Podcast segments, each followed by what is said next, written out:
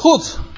Nou, dan is het tijd voor mij om de eerste stap te zetten op het terrein van het onderwerp waar we het vandaag over gaan hebben.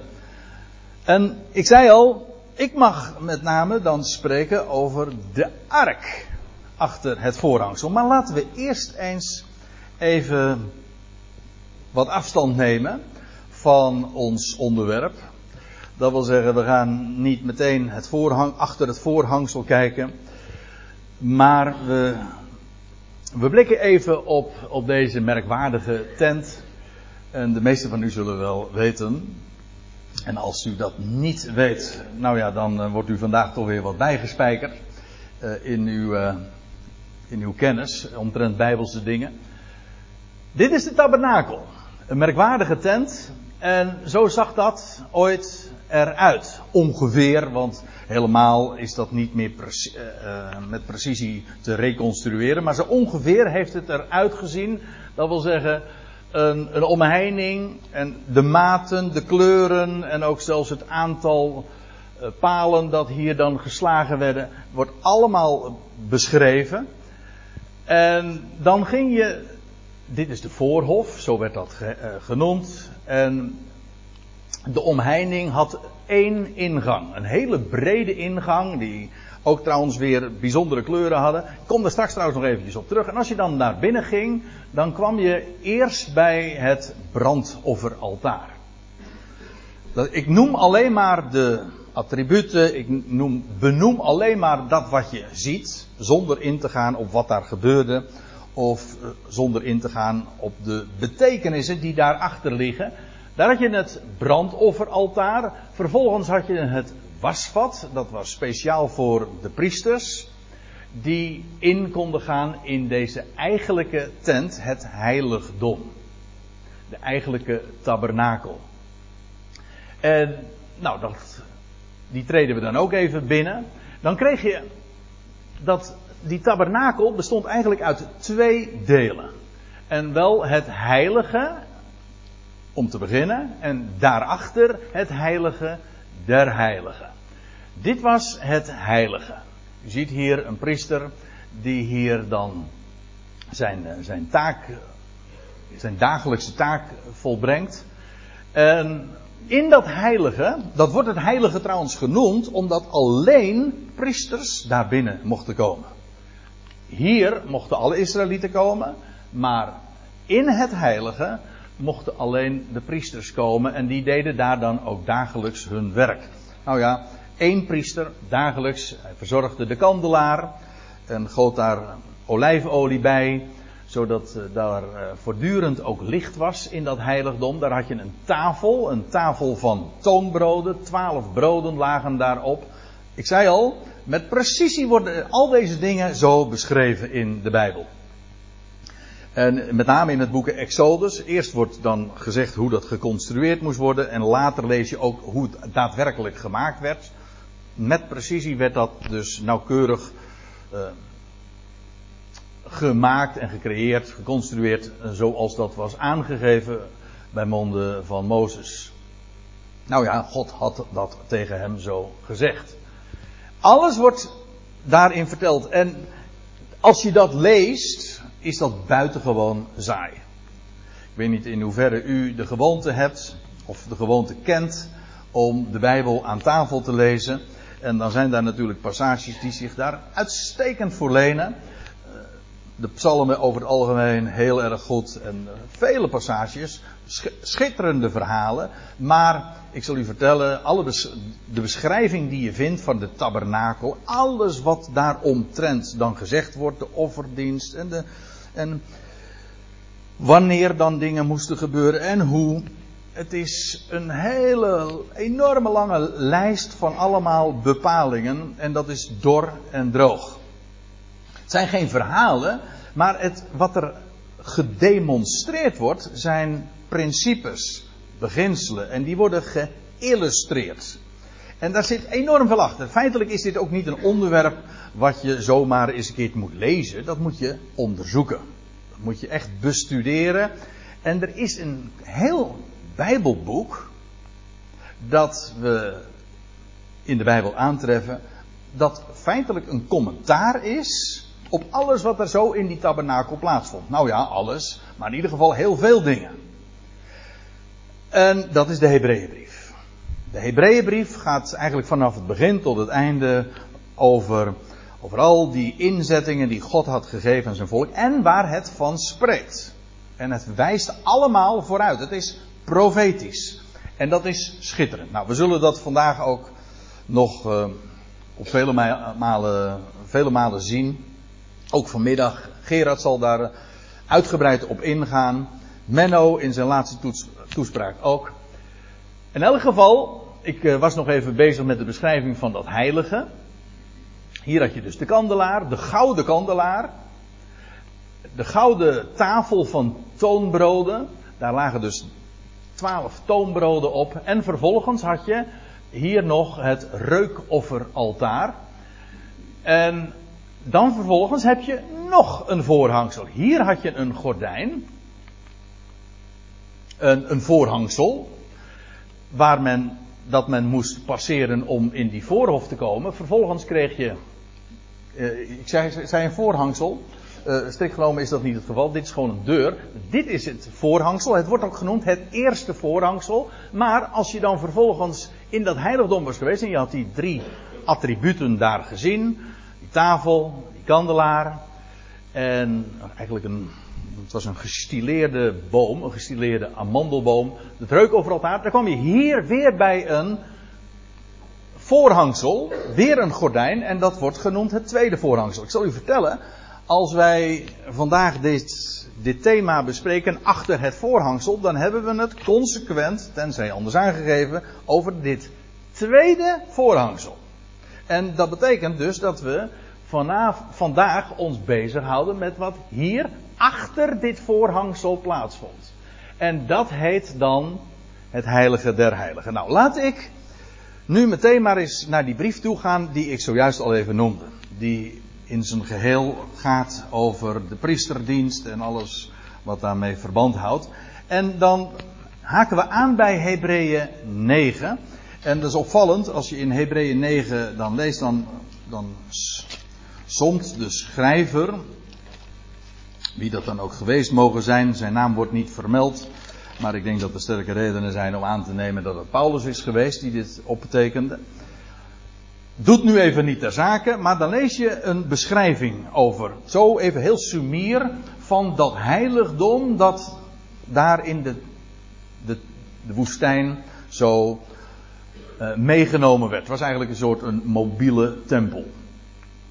We houden ons dus ook vandaag niet bezig met de tempel, maar echt specifiek met het heilige der heiligen, zoals dat in de tabernakel was. Zoals de Hebreeënbriefschrijver dat dus ook bespreekt.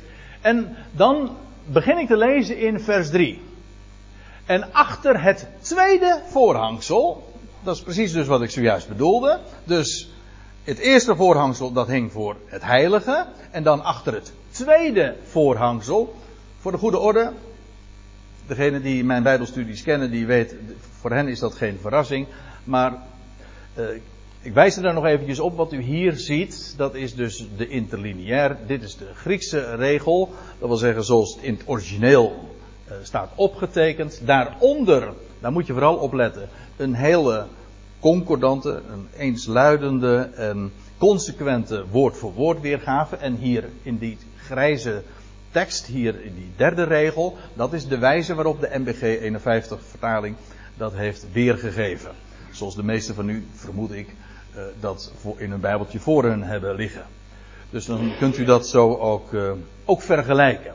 Achter het tweede voorhangsel, dat voorhangsel wordt dan ook beschreven, was een heel uh, kleurrijk geheel, dezelfde kleuren als trouwens ook de deur, op de deur vermeld waren, die als je de voorhof dus binnenging, je leest in Exodus, zult u een voorhangsel maken, en dat gaat het over dat tweede voorhangsel, van blauw purper. Eh, blauw speelde een grote rol, de kleur van de hemel, ook rood, wat trouwens de kleur van de aarde is.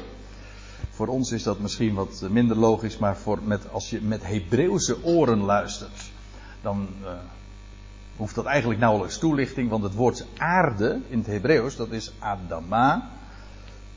Adam is uit de aarde genomen, dat wil zeggen hij is uit Adama genomen, maar dat is, heeft ook weer alles te maken met het woord voor rood.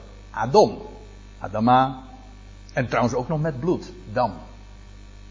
Ja, dat soort verbanden die zijn schitterend in het Hebreeuws. Maar rood is de kleur per definitie van de aarde, zoals blauw. Dat hoef ik toch niet toe te lichten, neem ik aan.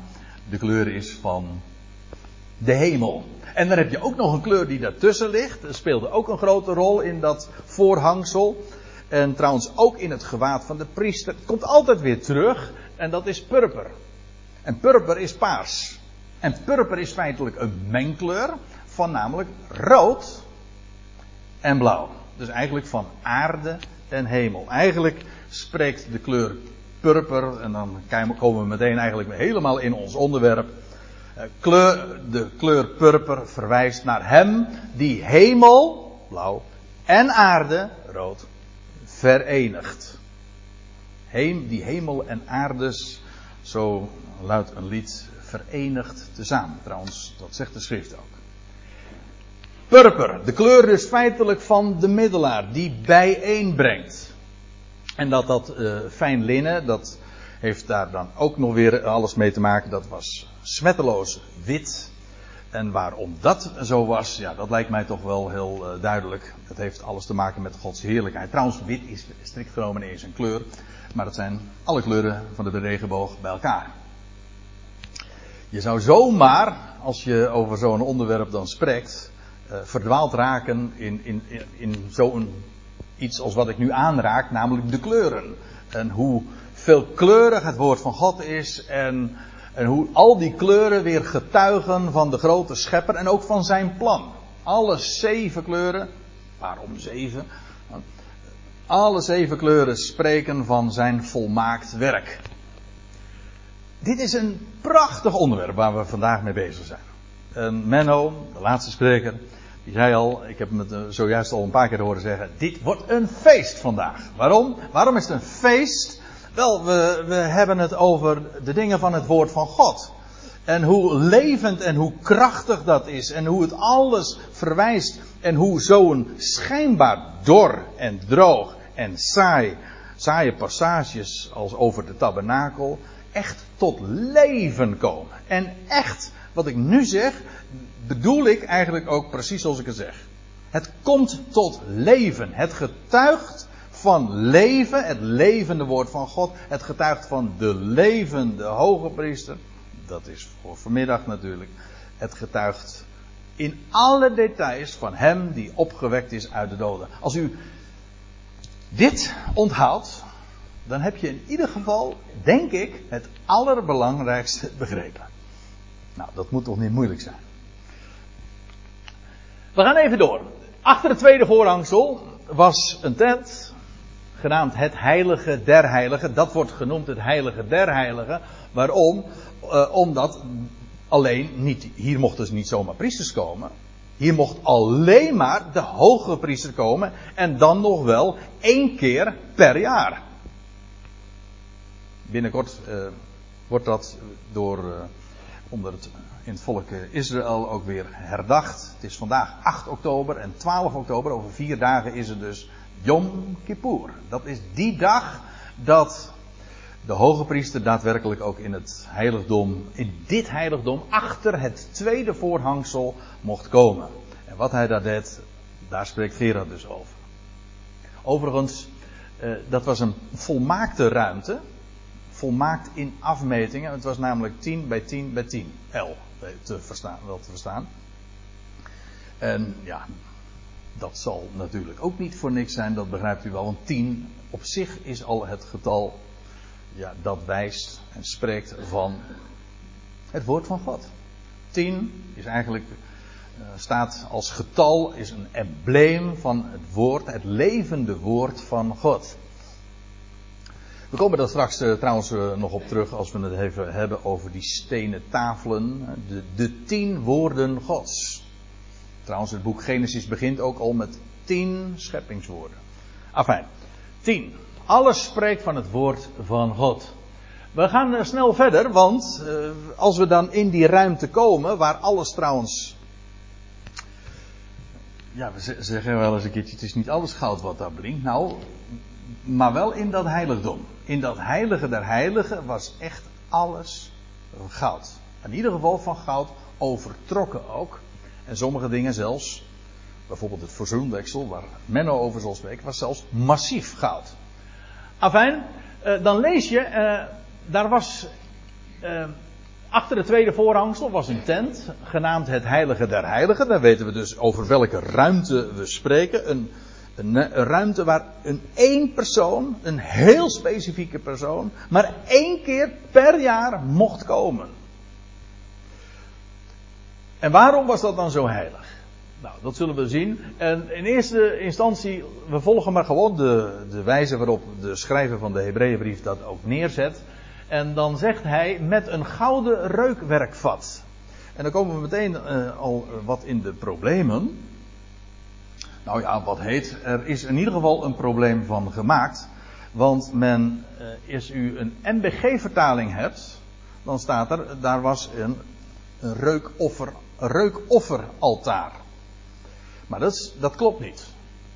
Men heeft ook gezegd, ja, dat uh, de schrijver van de Hebreeënbrief maakt hier een fout. Iemand, nou, dat is sowieso zelfs uh, afgedacht van het feit dat de schrift gewoon één is en niet gebroken kan worden. Uh, zelfs menselijke wijs gesproken is dat, een, is dat eigenlijk ook belachelijk om te overwegen zelfs. Iemand die zo nauwkeurig op de hoogte was. Getuige alles wat hij schrijft van alle details van de tabernakel. Die zou niet de domme fout hebben begaan om, de, om het reukofferaltaar in het heilige der heiligen te situeren. Het reukofferaltaar stond namelijk in het heilige. Het is, gaat ook niet over een reukofferaltaar, dat is een ander woord. Ik ga trouwens nou ook niet op de details in. En als u daar meer over wilt weten, zou het eventueel uh, eventjes kunnen opschrijven. En als uh, vraag of opmerking straks voor uh, de vierde bijeenkomst ter sprake kunnen brengen. Maar het gaat hier over een gouden reukwerkvat. Dat komt omdat daar in dat heilige der heiligen bevond zich ook een reukwerkvat. En dat dienst deed op die ene dag dat de hoge priester daar in dat heiligdom kwam. En u ziet trouwens hier ook een plaatje dat dat aardig illustreert. Hier zie je die hoge priester die dan op Yom Kippur daar is. En dan lees je ook, wellicht, ik weet het niet, dat is niet besproken, maar dat Gerard daar nog op ingaat. Dat hij dan inderdaad zo'n reukwerkvat meenam waar uh, wierook dan uh, van afkwam. U ziet dat hier, uh, en dat werd dan ook geplaatst op dat verzoendeksel. In ieder geval, het was een gouden reukwerkvat. Over goud komen we straks nog even op terug. Eerst nog even dit. En staat er de ark van het verbond. Het eigenlijke, het feitelijk het enige, afgedacht van dat reukwerkvat, dat dan op die dag dienst deed. Maar wat stond daar in dat heilige der heiligen? Dat was de ark van het verbond. En daar is zoveel mee aan de hand en zoveel om te doen. En hoe vaak wordt dat in de schrift niet genoemd? Trouwens, onder allerlei namen. Hier wordt het dan genoemd de ark van het verbond. Maar het heeft vele namen in de schrift. De ark van de getuigenis, de ark van, de, van Yahweh, uw God.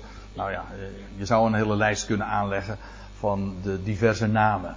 Maar het was, feitelijk was gewoon een kist. Want u moet weten, eh, de Hebreeuwse naam voor ark, dat is, het Hebreeuwse woord dat is Aaron. En dat is gewoon een kist. De eerste keer dat het gebezigd wordt, dat is in het laatste vers van het boek Genesis. Dat is heel opmerkelijk. Dat woord Aaron wordt vervolgens uitsluitend gebruikt voor de ark van het verbond. Voor die kist die daar in het heilige der heiligen stond. Maar, de eerste keer, en dat is, dat is een uitzondering dus. Eén keer wordt het in een ander verband gebruikt en dan gaat het over de kist. Waarin Jozef gelegd werd. Toen hij was overleden. En die kist werd vervolgens. Jozef werd niet in Egypte gebalsemd. Er werd geen piramide voor hem gemaakt of zo. Helemaal niet. Hij wilde. Hij had bevel gegeven, lees je in de Bijbel, aangaande zijn gebeente. Hij zou daar in het land van de belofte begraven worden. En hij is in een, kist gelegd. Eigenlijk was het dus in een aron, een doodskist dus. En die kist is uh, honderden jaren later, toen bij de Exodus, meegenomen. En toen is die uiteindelijk alsnog begraven in het land van de belofte. Ook een, dat is een mooi verhaal trouwens. Maar gaat maar even om. Hier wordt het woordje Aaron gebruikt en dat is gewoon dus een kist. Wij spreken over een ark. Prima, maar je moet gewoon weten, het is een kist. En je zou zelfs kunnen verdedigen dat het om een doodskist gaat. In de eerste vermelding in ieder geval. Trouwens, het was een houten kist. En als we het over dat materiaal hebben, dan wordt dat ook heel veelzeggend. Want een hout, ja, dat komt uit de aarde voort. En dan weet je eigenlijk al meteen één ding zeker. Hè? Vergankelijk leven, het is vergankelijk, het is sterfelijk. Zowel het feit dat het de eerste vermelding verwijst naar een doodskist, als ook het feit dat het hout is. Het is een beeld van vergankelijkheid. En in Nederlands kun je het heel mooi zeggen, kun je het mooi contrasteren, want je hebt hout en je hebt goud. Hout spreekt van vergankelijkheid, maar het was een houten kist, weliswaar. Maar dan staat erbij rondom, en dat rondom betekent niet alleen maar van, van, van buiten, maar ook nog eens uh, aan de binnenkant. Die, die kist was zowel van buiten als van binnen uh, overtrokken met goud. Met zuiver goud. En zoals hout van vergankelijkheid spreekt, zo spreekt goud, je kon het eigenlijk wel raden. Alles in deze ruimte was uh, van goud overtrokken. Goud is een type van onvergankelijkheid. Precies tegenovergestelde. Goud is een beeld van Gods heerlijkheid. Kun je trouwens in het Nederlands ook mooie woord, woordspeling op maken. Goud spreekt van God. En goud spreekt van, dat, is een metaal dat zich niet verbindt met zuurstof. Goud, dat is, dat roest niet. Het is een, daarom heet het ook een edelmetaal. Het is een type, in ieder geval, en het spreekt van onvergankelijkheid. Nou, nou komen we even echt ook bij het onderwerp. In die zin dat alles spreekt. Je zou het. Uh, je moet, lees de Hebreeënbrief en je wordt daarin op elke bladzijde in bevestigd. Alles spreekt van toekomende dingen. Maar die ark, dat is de plaats waar God woont. Het spreekt, u zult dat straks ook nog nader in bevestigd worden, van hoe kan het ook anders? Van Christus. Van Hem die zou komen als een vergankelijk mens, die zou sterven, hout. Jawel, maar die vervolgens werd overtrokken met goud, met onvergankelijkheid. Hij deed onvergankelijkheid aan. Hij stond op uit de dood, hij werd door God opgewekt. Dus het vergankelijke, ik zeg het nu met de woorden van Paulus in 1 Corinthië 15, het vergankelijke deed onvergankelijkheid aan.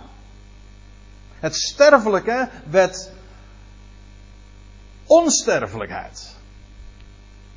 Echt dus leven. Als we het hebben over leven, alles in, ik zei al, alles in deze tabernakel spreekt van leven.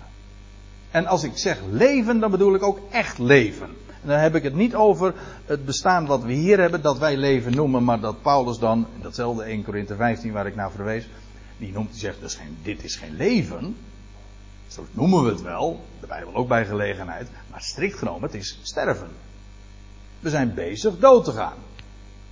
Nee, deze, alles in dat heiligdom, en daarom is het ook het heilige der heiligen. En, en als het goud is, dan spreekt het van onvergankelijkheid. Dat wil zeggen, van leven dat de dood achter zich heeft. Daar gaat heel de schrift over. Hoe dat leven ooit aan het licht kwam. Die ark spreekt van hem, de eersteling. Daar kom ik ook nog op terug. De eersteling hout, een vergankelijk mens. Hij stierf, maar hij werd overtrokken met goud. Hij is de onvergankelijk levende. En staat er dan bij nog, in die kist bevonden zich waarin zich bevonden in die kist, of een, ja, in die kist. Later uh, heeft het er ook buiten gestaan, maar het was altijd verbonden in ieder geval met die ark, met die, met die kist dus, ja. Met drie dingen. En ze worden hier ook alle drie genoemd. Te weten, in de eerste plaats een gouden kruik met manna. De staf van Aaron die gebloeid had. En vervolgens, last but not least, en daar ontleent deze ark ook dikwijls zijn naam aan, aan die tafelen. De getuigenis, zo wordt het ook wel genoemd. De tien woorden Gods. U zult het zien, want vervolgens in vers 4 wordt er dan gezegd, waarin zich dus bevonden een gouden kruik met het manna. En ik zei al, eh, ik gaf het in het begin al even aan, in de Bijbel tref je verhalen en als je die leest, dat is geweldig. En vooral ook als je dan weet wat, wat welke spraken daarvoor uitgaat. Maar het allermooiste uh, van die verhalen is natuurlijk dat het, dat het getuigt van één iemand. Het heeft de hele schrift, en dat is de eenheid van de schrift, getuigt in al haar onderdelen, in al haar details, van één persoon in wie God zich ten volle openbaart. Dat zie je dan vervolgens, dat zijn dan geen verhalen.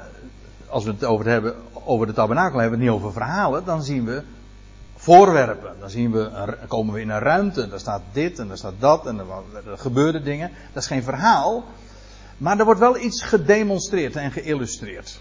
Nou, we zagen een, gouden, een houten kist met goud overtrokken. En nu komen we bij die gouden kruik. Eigenlijk, ja, dat goud hoeven we nu niet meer te bespreken, want dat hebben we al gezien. Strikt genomen, als in de Bijbel gesproken wordt over kruiken, aardevaten, dan is dat normaal gesproken een uitbeelding van, ja, van het broze bestaan. De dames worden genoemd in 1 Petrus eh, het uh, brozere vaatwerk. uh, aardewerk. Overigens, eventjes voor de volledigheid, voordat ik van discriminatie beschuldigd word. Het broze, het zwakke geslacht, is dus de man. Ja. De, het is, Peter zegt het in de overtreffende trap, dus het, het, het brozere vaatwerk. Dus met andere woorden, de man is ook al broos. De mens is gewoon een aardevat. Dat wil zeggen, breekbaar.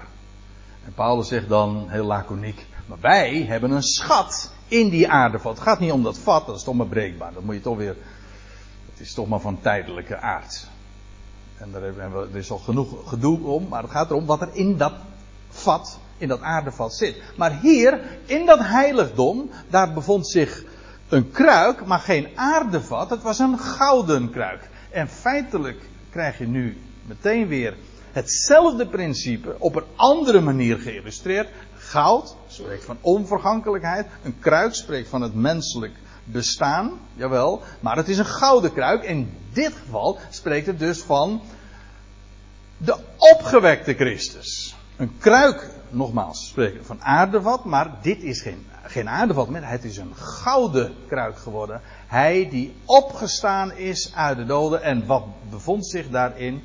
En dat via een ander traject kom je weer op, op exact dezelfde uh, conclusie uit. Namelijk, daarin bevond zich uh, het manna.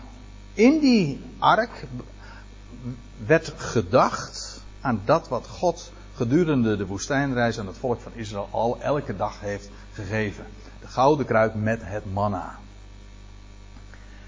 En dat was dat brood uit de hemel. En er is een. Uh, ja, er wordt in de Bijbel natuurlijk heel dikwijls toelichting op gegeven.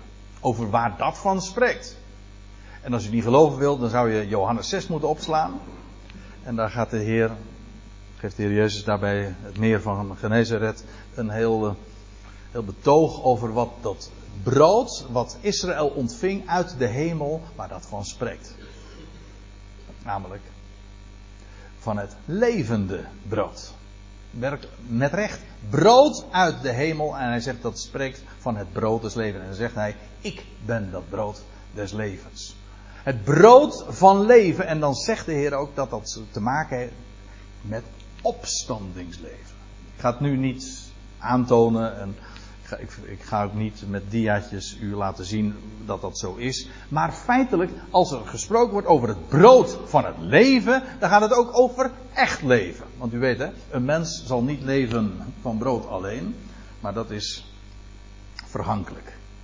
Ons vergankelijk bestaan onderhouden wij met vergankelijk brood. Maar dat manna spreekt van brood uit de hemel en dat spreekt van echt. Van de woorden Gods waar een mens van leeft.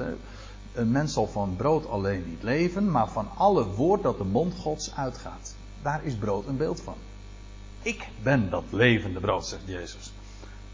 En verwijzend naar ja, het feit dat hij opgewekt zou worden uit de doden. Het levende brood.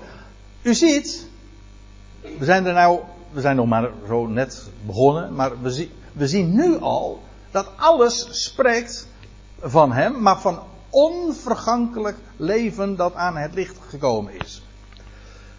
Nou, en als we het er dan toch over hebben, dan. Eigenlijk is dat wel mooi ook. Mocht je op een of andere manier de draad kwijtraken. en zeggen: Ik snap dit even niet dan laat je het draadje gewoon los en dan pak je het andere draadje op en dan kom je alsnog daarbij. Want als je die boodschap van die houten kist, eh, dat overtrokken was met goud, mist. En dat van die gouden kruik, met het manna erin. Nou, dan kom je vervolgens bij de staf van Aaron. Nou, een staf is sowieso in de Bijbel altijd al een beeld van. Nou, met een staf gebeurt van alles. Het is niet voor niks dat in de, in de seculiere sfeer een staf ook een embleem is geworden van toveren. Van goddelijk vermogen. Nou, dat klopt ook wel. Want een staf is feitelijk ook een beeld van, ook weer, van opstandingskracht. Door een staf leer je te staan, kun je opstaan en blijf je ook staande. En die staf, die komt tot leven in. Er zijn heel wat geschiedenissen in de Bijbel die daaraan ook refereren. En ik vind het zo mooi, dat, ik kan het nooit nalaten om daarop te wijzen. In, in de psalmen, in de bekendste psalm 23, daar wordt gezegd, al ga ik door een dal van schaduwen des doods. Uw stok en staf vertroosten mij. Prachtig. Dus als je door een dal gaat, de diepte ingaat, waar de dood zijn schaduw voor uitwerpt, maar ja, wat zou dan troost geven? Nou, die staf van hem. Waarom? Dat spreekt van, van opstandingsleven. Van opstandingskracht. Van zijn vermogen. En die staf van Aaron. Dat is namelijk, daar zit een heel verhaal aan vast. Ja, een heel lang verhaal zelfs. Want die staf die speelt in allerlei geschiedenissen een prachtige rol. Maar ik beperk me nu even tot uh, de gebeurtenis waaraan hier ook gerefereerd wordt. Namelijk de staf van Aaron die gebloeid had was namelijk zo dat uh, in het volk Israël stond uh, het hoge priesterschap van Aaron ter discussie. Is hij wel de hoge priester? En toen heeft God uh, bepaald hoe, dat, hoe hij zijn bewijs zou leveren dat inderdaad hij, Aaron, de hoge priester van zijn keuze is. In nummer 17 lees je die geschiedenis. En dan moest, en dan werden er staven, staf, ja, staven, is meervoud van staf uh, werd, werden, werden in het heiligdom gedaan. En de staf. Al die staven werden dan, uh, kwam een naam op te staan. En de staf die zou bloeien, waar God zijn, zijn stempel als het ware op zou geven. Wel, dat, die zou de hoge priester van zijn keuze aanwijzen. Nou, en wat gebeurde er? In, tijdens de nacht kwam die staf in dat heiligdom tot bloei. Dat wil zeggen, Israël wist van niks nog. En toen vervolgens de nieuwe, op de nieuwe morgen, na de nacht, werd de, kwam de staf naar buiten. Hè, werd de staf naar buiten gehaald. En toen bleek de staf van Aaron gebloeid te hebben. En God toen had gezegd van, hij is de hoge priester van mijn keuze. Hoezo? Wel, aan hem had God zijn stempel gegeven, of anders gezegd, Hij was aangewezen doordat er leven uit de dood voortkwam. Dat is toch wat een, een staf uitbeeldt. Hè? Er kwam leven uit voort. Zijn staf bloeide. En dan lees je, en dat is ook Hebreeën 7, de hoge priester die wij nu kennen, die bovendien ook nog eens koning is, dat is ook een geweldig verhaal. hij is koning, hoge koningpriester, maar waarom is hij dat, zegt de schrijver? Dat is hij kracht, zo wordt het heel plechtig gezegd, krachtens onvernietigbaar leven. Dat wil zeggen, sinds zijn opstanding uit de doden is hij van Gods wegen de bewezen hoge priester. Ik vind het geweldig dat terwijl het nu nog in de wereld nacht is, er komt een dag dat Israël, daar komt hij uit het heiligdom, uit het, uit het hemels heiligdom en dan zal, dan zal God zijn bewijs leveren. Dit is mijn hoge priester. Hoe, wat is het bewijs? Wel, hij was dood, maar zie, er is leven voortgebracht. Hij bracht dat leven aan het licht. De staf van Aaron staat er die gebloeid had. Ja, daar staat er ook nog bij dat het amandelbloesem was. Weet u wat het bijzondere van amandelbloesem is? Een, de amandelboom, dat is de boom die het eerst tot na de, de donkere en koude winter weer tot bloei komt. Eigenlijk, eh, de naam amandel betekent in het Hebreeuws ook ontwaken. En waken. Als de, als de lente aanbreekt, dan is de, de amandelboom eigenlijk de grote aankondiger daarvan. Alles komt weer tot ontwaken, tot nieuw leven. Amandelbloesem. Wees ik er al zojuist even niet op dat die kandelaar in het heilige ook een, feitelijk een, een boom was, maar een amandelboom. Gestileerd uiteraard. Een gestileerde amandelboom. Het spreekt van leven uit de dood, maar ook van de eersteling die opstond uit de doden. Nou. We gaan even verder, want met die ark was er nog veel meer aan de hand. Daar bevond zich een gouden kruik met de manna, de staf van Aaron die gebloeid had en vervolgens de tafelen van het verbond. Ik zei al, feitelijk was dat misschien wel het meest karakteristieke. En de namen die in de Bijbel vaak aan die ark gegeven worden, die herinneren juist aan die stenen tafel. Moet ik er trouwens nog iets bij zeggen? Uh, dit was maar niet het eerste stel stenen tafelen. Die waren namelijk gebroken of verbroken. Dat bedoel ik lekker dubbelzinnig. Israël had die wet verbroken. En voordat Mozes de berg afkwam met de wet, toen was die wet al verbroken. En dan lees je die stenen tafelen die Mozes in de hand had. Ik denk dat ze aanzienlijk kleiner dan zijn geweest dan ze meestal worden voorgesteld. Het was gewoon pocketformaat. Hij had ze in de hand. Dus beide stenen daar in de, in de hand. Afijn, een detail. En dit was het tweede stel. En dat zou niet verbroken worden. Dat zou safe, hè, veilig bewaard worden in de ark. En dat, het werd niet. Als het, de wet wordt opgelegd aan de mens. Voordat het ook maar zou kunnen gaan werken. blijkt het al ja, een diggelijk gebroken te zijn. Dat werkt dus niet. Eigenlijk is dat het grote verhaal ook van het hele oude verbond. Uh, de wet gelegd op de mens. Nou, daar hoef je helemaal niks van te verwachten. Dat doet God trouwens ook helemaal niet. Hij geeft wel bewijs dat de mens niks van zichzelf heeft te verwachten, maar je moet het allemaal van hem hebben.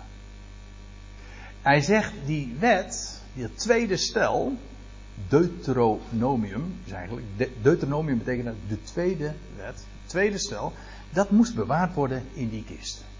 Heel uitdrukkelijk gezegd in Deuteronomium 10. En ja, waarvan zou dat spreken? Uh, volgt nou de lijn uh, die de Hebreeënbriefschrijver uit, uitzet. En die zo logisch is. En iedere keer zien we dat principe geïllustreerd. Als die ark inderdaad de plaats is waar God woont. Hij in wie Gods, de ganse volheid van de Godheid lichamelijk woont. Daar spreekt die ark van. De opgewekte Christus. En in hem is het woord van God veilig. Geborgen. Want hij is het ook. Je leest in, uh, in de psalmen. In psalm 40. Dat vind ik een prachtige illustratie van waar, van waar we het nu over hebben. Er staat in psalm 40. Uh, en dat wordt trouwens ook door de Hebreeënbriefschrijver aangehaald. En dan gaat, dat is profetisch, spreekt het van de Messias. En dan zegt die Messias, toen zeide ik, zie, ik kom. En dan zegt hij, zie, in de boekrol is over mij geschreven. Moet zich realiseren, Jezus kwam, was op aarde, een mens, een vergankelijk mens. En, en hij, hij heeft zich herkend in de schrift. Hij wist wat hem te doen stond.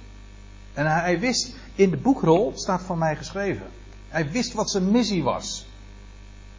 En, en dan zegt hij ook, ik heb lust om uw wil te doen, mijn God.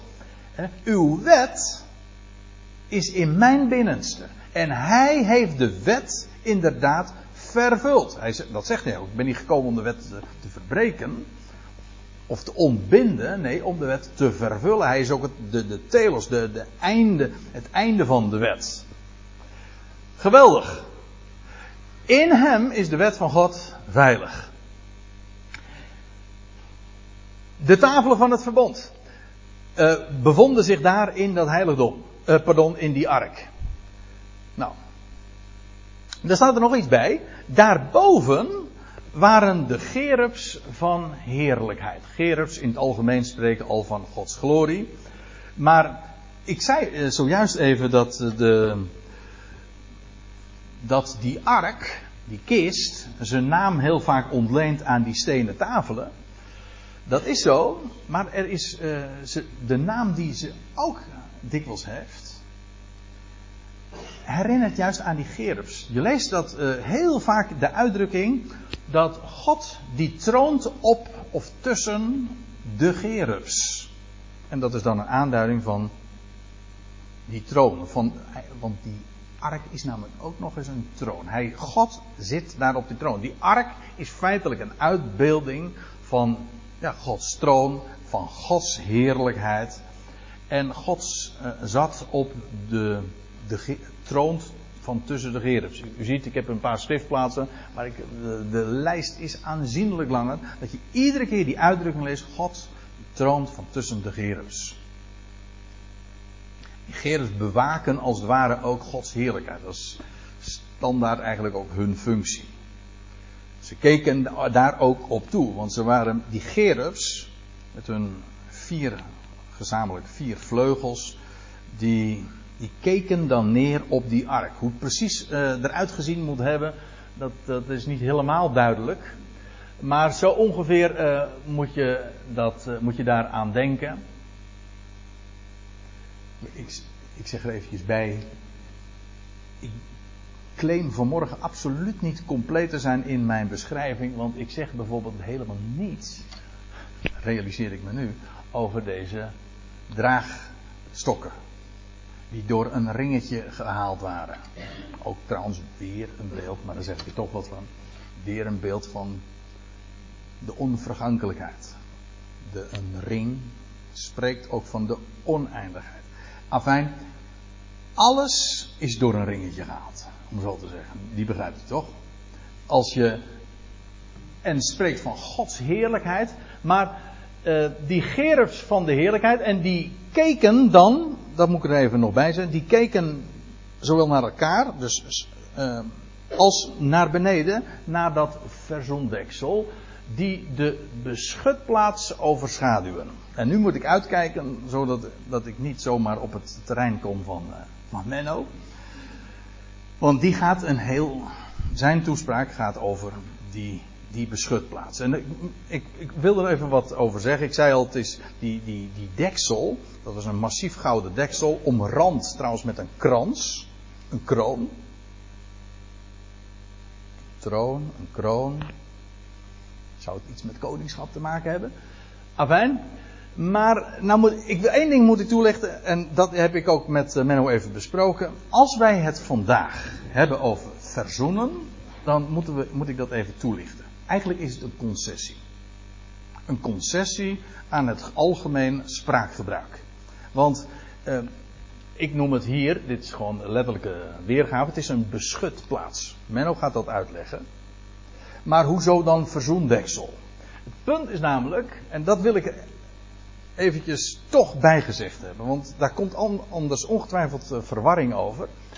Eh, het woord verzoenen in het Nederlands, dit is een typisch Nederlands probleem en daarom licht ik het eventjes toe. Het woord verzoenen heeft in het Nederlands twee totaal verschillende betekenissen die nauwelijks iets met elkaar te maken hebben.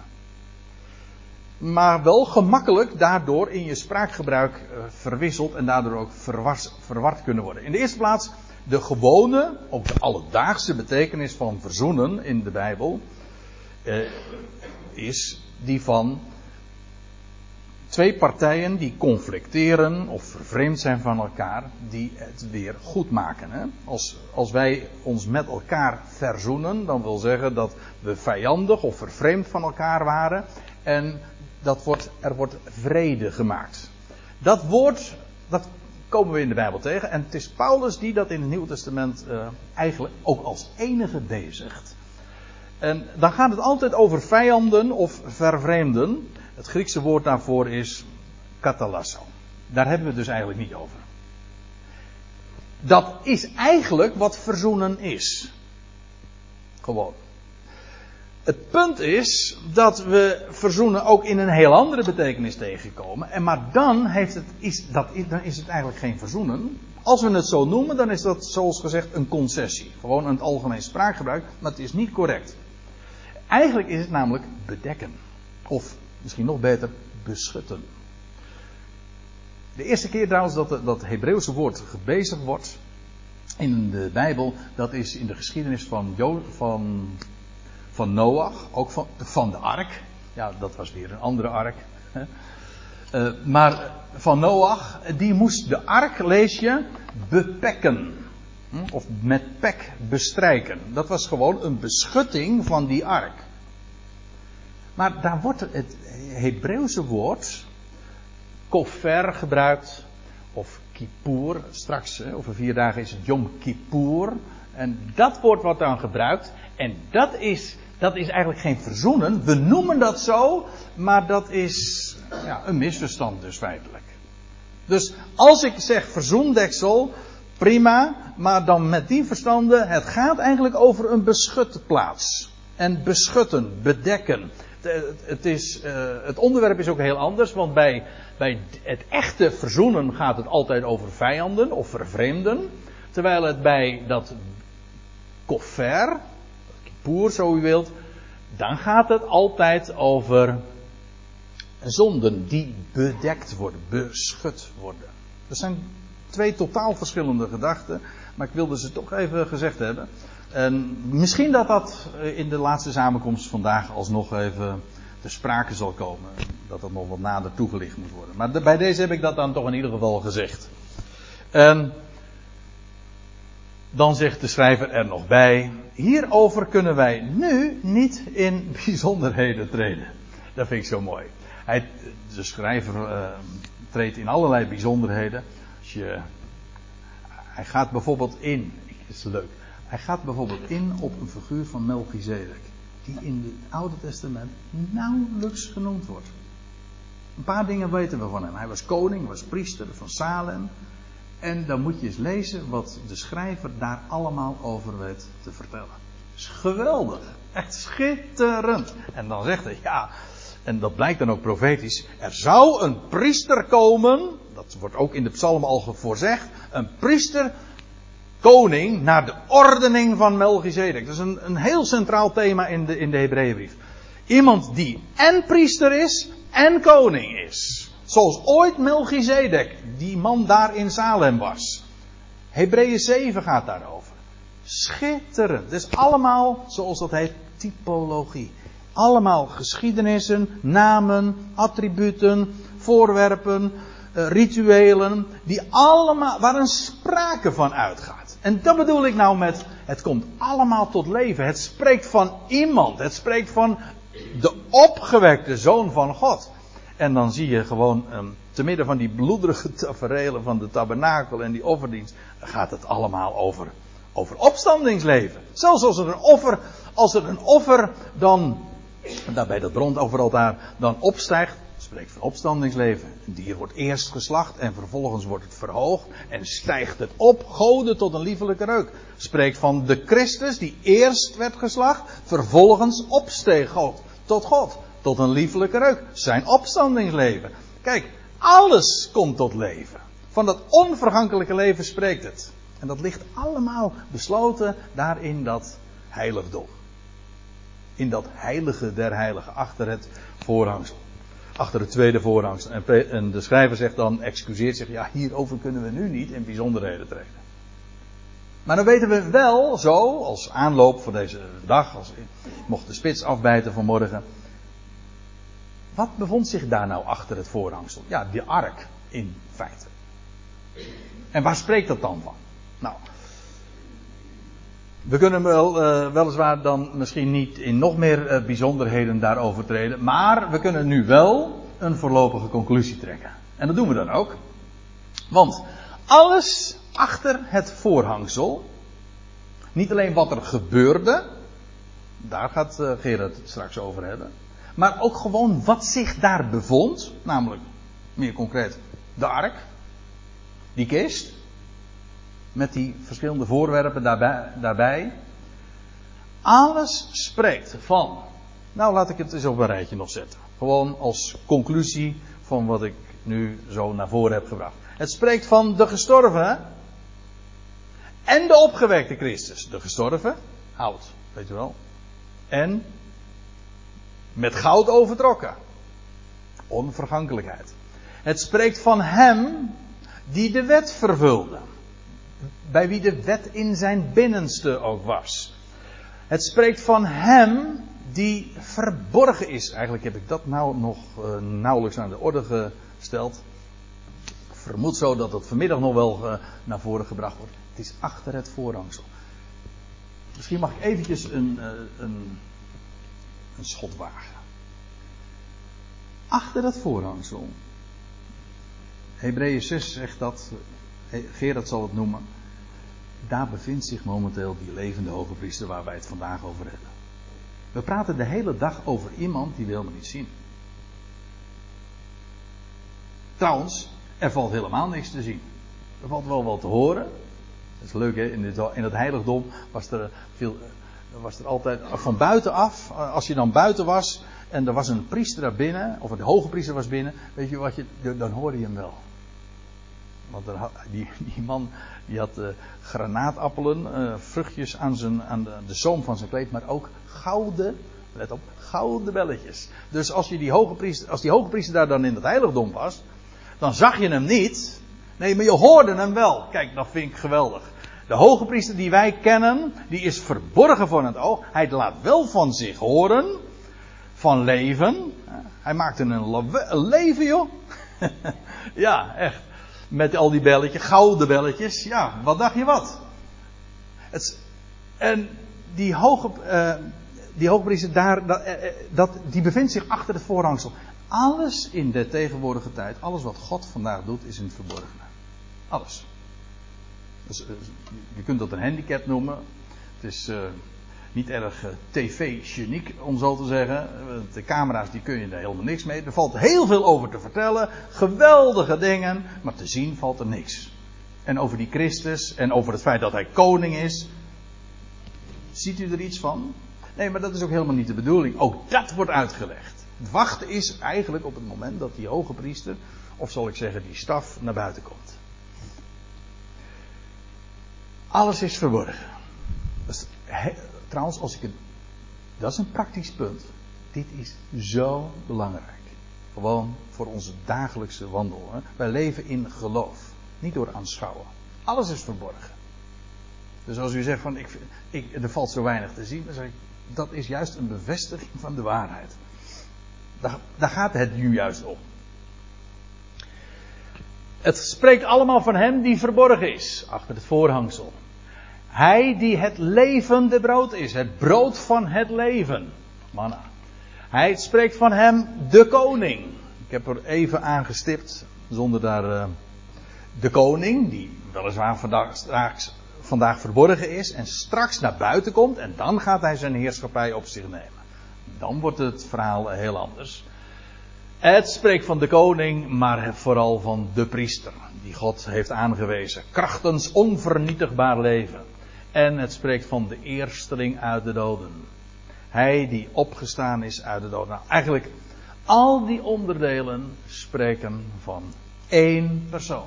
Verborgen, de opgewekte, de verheerlijkte, de koning, de priester, het leven. Kortom, alles uh, spreekt van, van dat goud. Want als we dat in handen hebben, dan hebben we echt goud in handen. In een sterfelijke wereld weet te hebben, waar alles vergankelijk is, weet te hebben van onvergankelijkheid, van echt leven. Ja, dat geeft je bestaan inhoud en ja, perspectief. En uh, daar mogen we zo vandaag met vrijmoedigheid ingaan in het heiligdom. Nou, dat zijn uh, thema's die uh, straks nog veel uitgebreider ook aan de orde zullen komen. En ik stel voor dat we het hier even bij laten.